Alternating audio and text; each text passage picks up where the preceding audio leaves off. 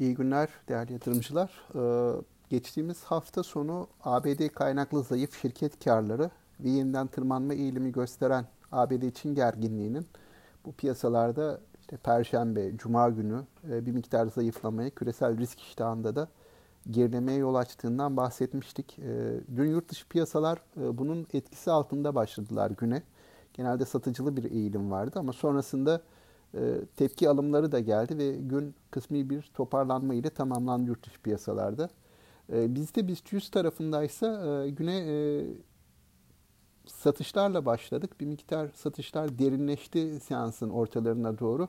Sonrasında yurt dışı piyasaların nispeten daha rahat olduğu fark edilince bir miktar bize de alım gelmiş oldu. Günü de yaklaşık %1,5 gibi bir eksile tamamlamış olduk. Ee, dün aslında bizim borsa e, kapalı kaldığı cuma günkü fiyatlamayı yani küresel piyasalarla e, arasındaki e, cuma günü oluşmuş olan farkı kapattı.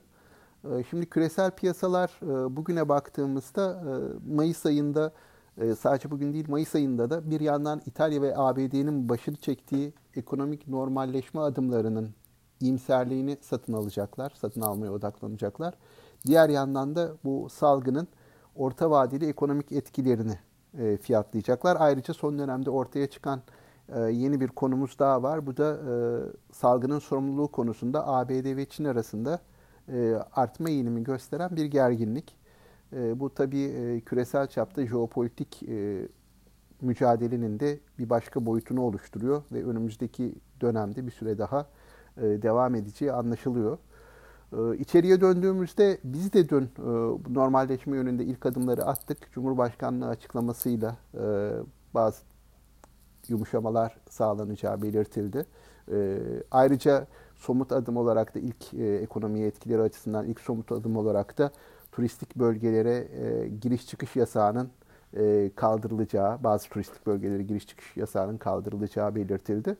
Ee, böylece e, bizde de e, normalleşme adımlarına geçilmiş oldu. Ee, bence piyasa bugün e, açıklanacak enflasyon raporunda dünkü enflasyon verisinin detayları kadar hani bu olasılığı da değerlendirecek, bu normalleşme çabalarını da değerlendirecek. Ayrıca yarın Hazine ve Maliye Bakanlığı'nın yabancı yatırımcılara dönük bir bilgilendirme toplantısı var. Buradaki mesajlar takip edilecek yarın için. Buradan piyasanın yönü e, anlaşılmaya çalışılacak. Ama hepsinden önemlisi yurt dışı e, bizi etkileyecek bu dönemde. E, ABD ve Çin arasında az önce belirttiğim gerginlikler piyasalarda dalgalı bir seyre yol açar diye düşünüyorum.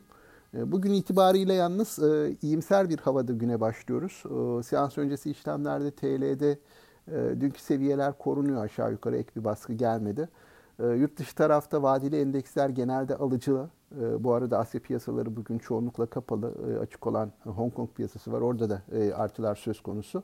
Bizde de sanıyorum yurt dışındaki bu iyimserliği e, değerlendireceğiz. Borsanın yukarı yönlü bir hareketli güne başlamasını bekliyorum. Bütün yatırımcılara sağlıklı ve bol kazançlı günler diliyorum.